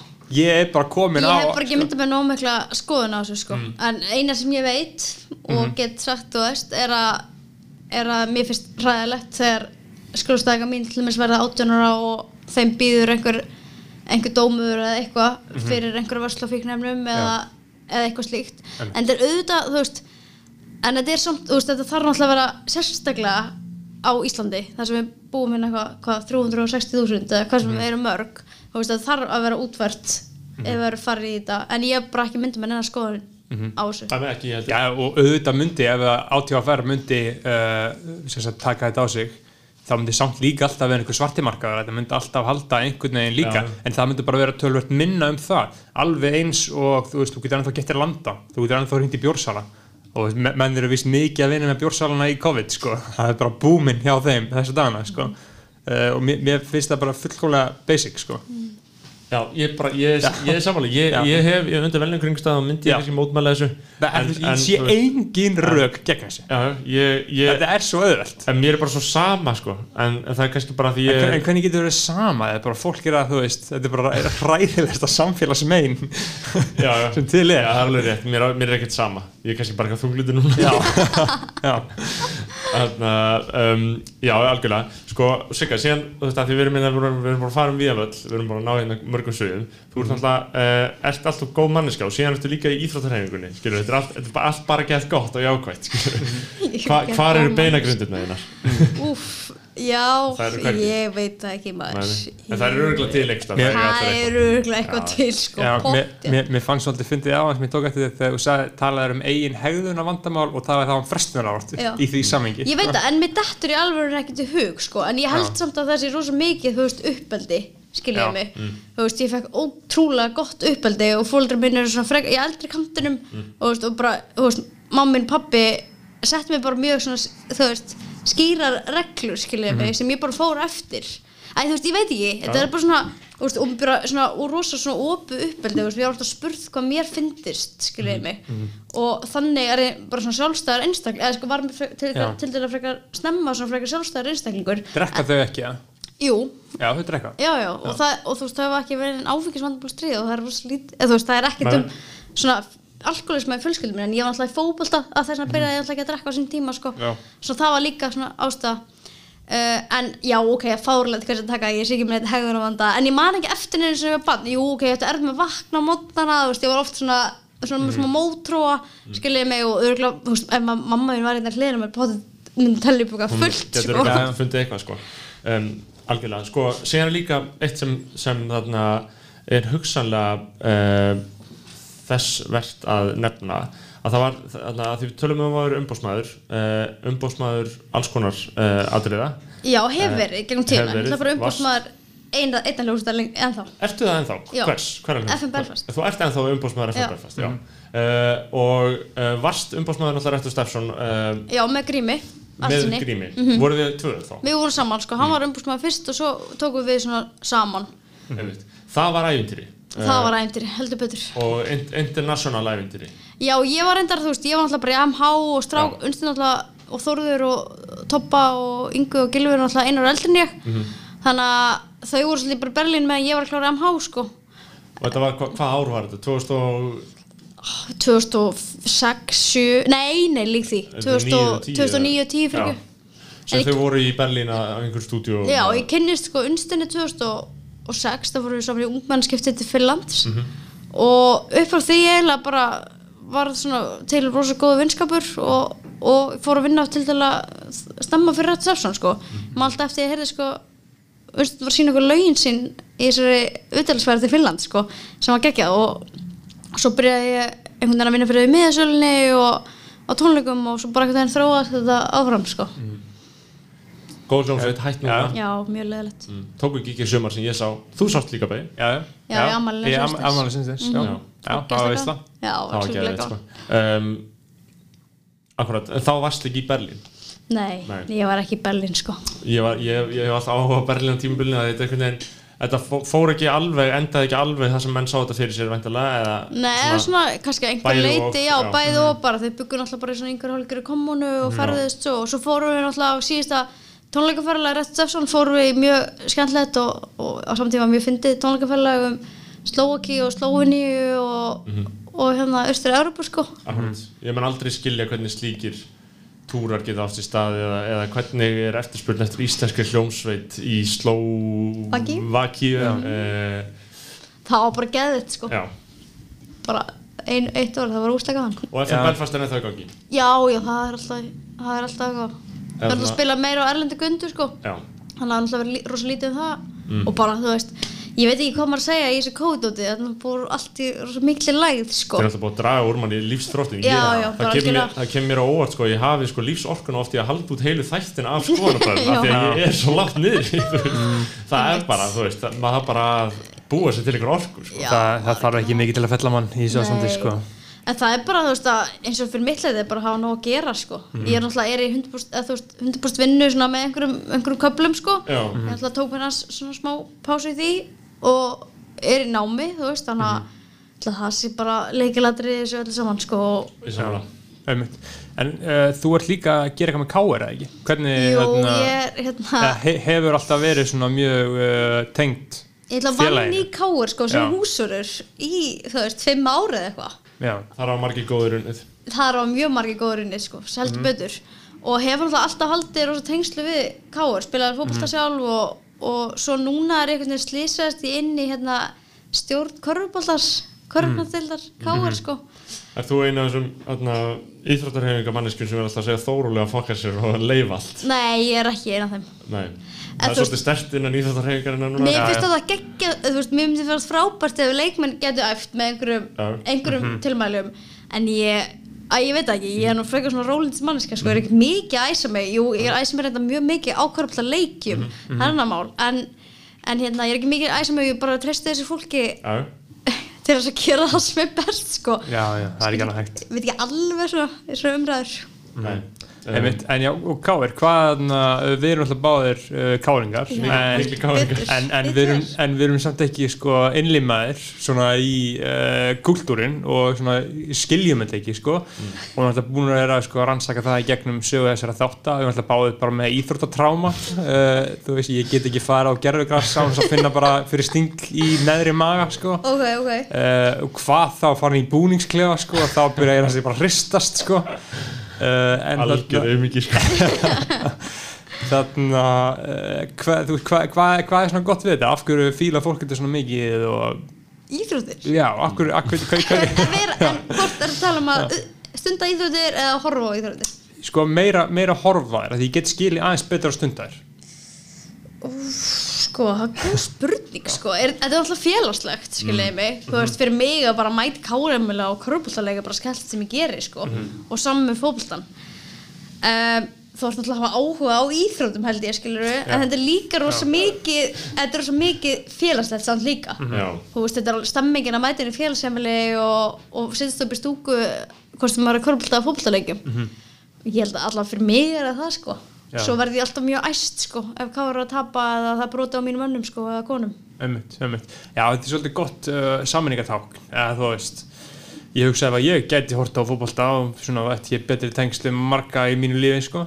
En svo er þetta líka, þú veist, ég held með ennsku deildinni en þú veist, ég hef alltaf, jú, ég hef alltaf fylgst með Liverpool og fagnaði titlinum og, og allt, allt slíkt sko en maður mað tengi miklu meira við þú veist, káur, sitt uppbyldisfélag og hérna vini sína og vinkonur sem eru að spila með liðinu, mm. skiljið mig og sérstaklega núna, þú veist, að maður þekki fullt af fólki að eða skiljið, maður orðinn eldri og svo þegar maður var yngri þá var þetta bara svona átrúnaða góð sko. Ömmit, já, já, ömmit ég, ég er bara haldið með þremur liðum, sko. Já, ok. uh, FC, Ég- Nord, FC Nordsjælland. Dijon og Arsenal núna, sko. Já, ok, bara Nei. all, öll þið sem Rúnar sem Já, í. við, Já, hérna, maður maður þarf að standa með þeim. Það er mjög gott. Er gott að ég get aftur fara að halda með Arsenal. Ég ger alltaf Já. lítið Síðan tappaði þræðinum og núna er aftur á hann Arsenal maður sko. Mjög gott. Eh, Að því, Ég er allavega svona að því Snorri var í svona í var að Snorri svona, er mikill en er- Já, bara sagði það bara frá fyrsta degi hann að jafningisfæslunni að hann var ekki Já. hrifin að íþrótum Snorri er aðeins meiri antisportisti en ég að því að vinahópurinn er það líka Já, já. Það er þið- vissulega þið- rétt. hati allir fótballtæn, hjá mér var þetta svolítið blandað Já, sko. já, algjörlega. Ég hef svona þurft að uh, hlusta en ég er mjög góður sem sagt uh, heilina mér virkar þannig skemmtilega að hann hættir að hlusta. Það er svona, Já, það er enda mjög góður eiginlega. þegar svona nokkur uh, þegar byrja að tala um svona hitt og þetta Já, já, þá var það án til að slaka á sér sko. Og það er bara fint Já, ég þarf ekki að umbera sérstaklega mikið í íþróttum sko, en þetta, ég þetta veldu því að ég er ekki tengdur venlegu fólki sko, og, og ég lifi að það er svo sem Jú, jú, um, Sveimi þá. Um, um, Hvað segir? Bara með eitthvað gott hérna, gó- loka punktið Já. Eitthvað að loka púnta? já, Er ég með Eh, gott eða? ég, alltaf, mér finnst þetta bara aðeinsvægt, ég geti, Já. ég geti rætt uh, eiturlif lengi og Já. Já. fram og Ég tilbaka líka. uh, Einmitt.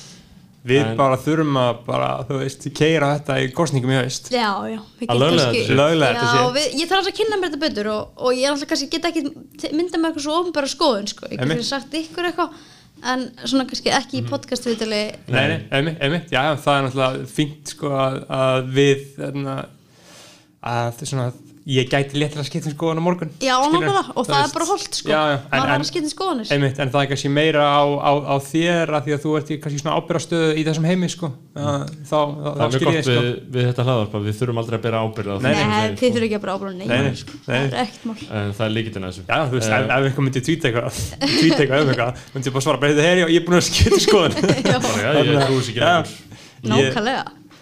og Algjör- það er það sem þróska mann sko að skipta um skoðanir. Já, Er já, það ekki, er ekki holdt og gott? það maður verður að gera það. Pælega að leðilt að maður myndi alltaf vera fastur í skoðun. Já, það er alveg uh, umurlegt og að vera fastur í einhverju fylkingu sko. Mhm. En þetta er svona ákveðin list sko, maður má náttúrulega ekki skipta of mikið um skoðun sko. Uh, og maður þarf stundum að hafa skoðun bara fyrir uh, sakir samtalsins. Algjörlega. Sem er oft það sem við þurfum að gera sko, ég þarf til dæmis bara ofta að mynda mér ákveðin skoðun að halda mig við hana því annars virka samtöl ekki sko. Já, já, akkurat. Um, En ég meina svona kannski í því samingi að þú veist, tökum sem dæmi hérna, eins og ég var að tala um áðan að hvernig, sko, hérna, hvernig ég breytt svona skoðum minni á eitthilegu heiminum eða fíknefna heiminum Já. þú veist, að ég, að ég kannski sé byrju að trú einhverju öðru en samt er ég först á minni skoðun skilur Já. ég er að meina þú veist að, að maður þroskast með því að skipta um skoðanir sko og geta breytt þú veist. Ég held að maður róist líka bara svo mikið með aldrinu Já, maður, maður ég hugsa held bara að ég get ekki verið að ég, get ekki, ég hef ekki orku í að, að ég hef ekki tími að hugsa svona mikið um svona hluti sko. Nei, og það, það er líka rosalega erfitt eins og við vorum inn að síðast þáttur uh, var Simmi Vil.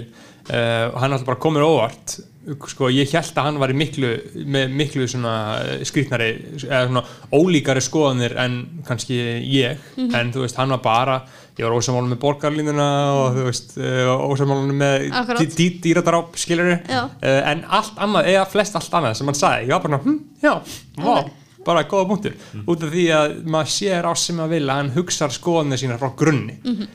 Sem við viljum ekki að lesa Twitter þráð Nei, nei, og að fá skoðanir sína þar sko.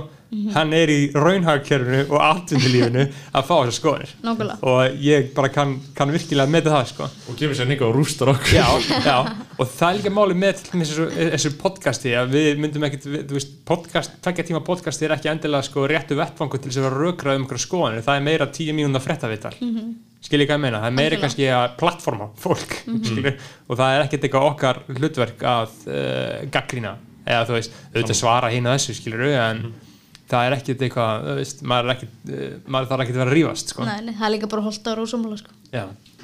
Um, Algjörlega, þannig að, heyrðu, ég held að þetta sé bara komið ágætlega uh, gott hjá okkur, búin að fara um við völl, bara frábært að fá þessi Já, takk kærlega fyrir að fá mig. Það var mjög fá þetta í Þetta var sangallu veisla. líður ekki okkur vel í nýja hljóðverinu? Jú, mér liði bara nokkuð vel hérna sko. þetta er bara fínt. Jú, ég er bara betra loft og Jú, mér liði bara mjög vel hérna sko. þetta er kjallari og, Nei, nei. og við erum líka bara að vennast þessu við Já. Já, já. Hljóðið, held, ég, ég held að hljóðið sé gott Já, kæra hlustendur hljó, Ljóðið er gott en það er ekki fullkomið sko. Ég hlakka mikið til við fáum tjald sko. Uh, Við fáum tjald, þannig að útvarpið var rænt sko. Já, já, það var gengur að já, ákveðin árás já, já. En þetta verður allt betra uh, Kæru hlustendur, uh, farin á patreon.com uh, gerist áskrifundur segi vinum ykkar uh, og bara skítið ykkur Já, Guð bless ykkur Sigga, takk kærlega Já, fyrir sömuleiðis. Þetta var æðislegt Bless, gleðileg jól.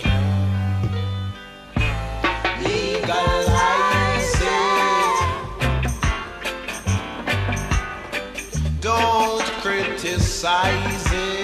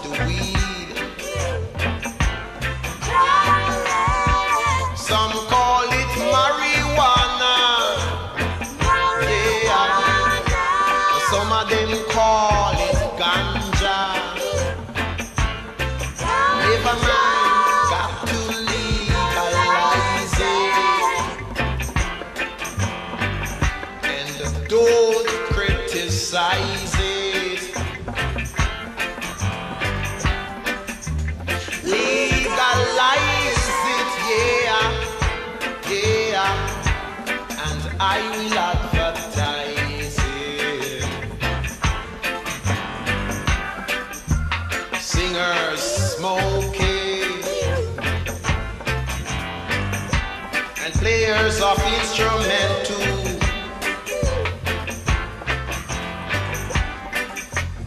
Legalize it, yeah, yeah. That's the best thing you can do.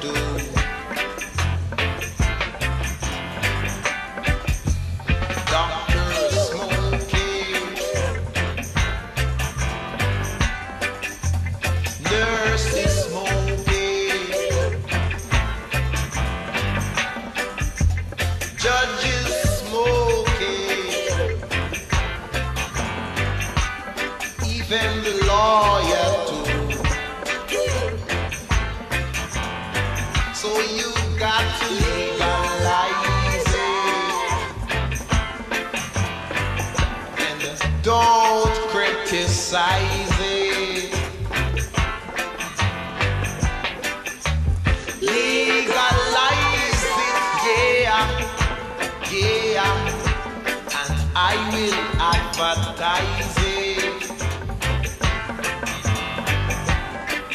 It's good for the food.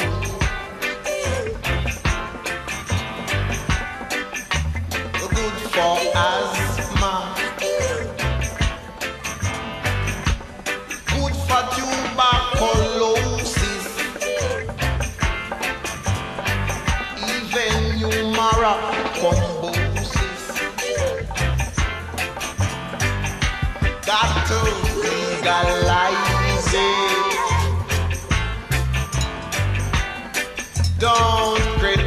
sizes.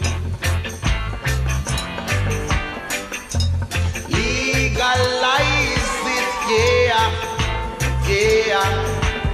I will advertise it. Birds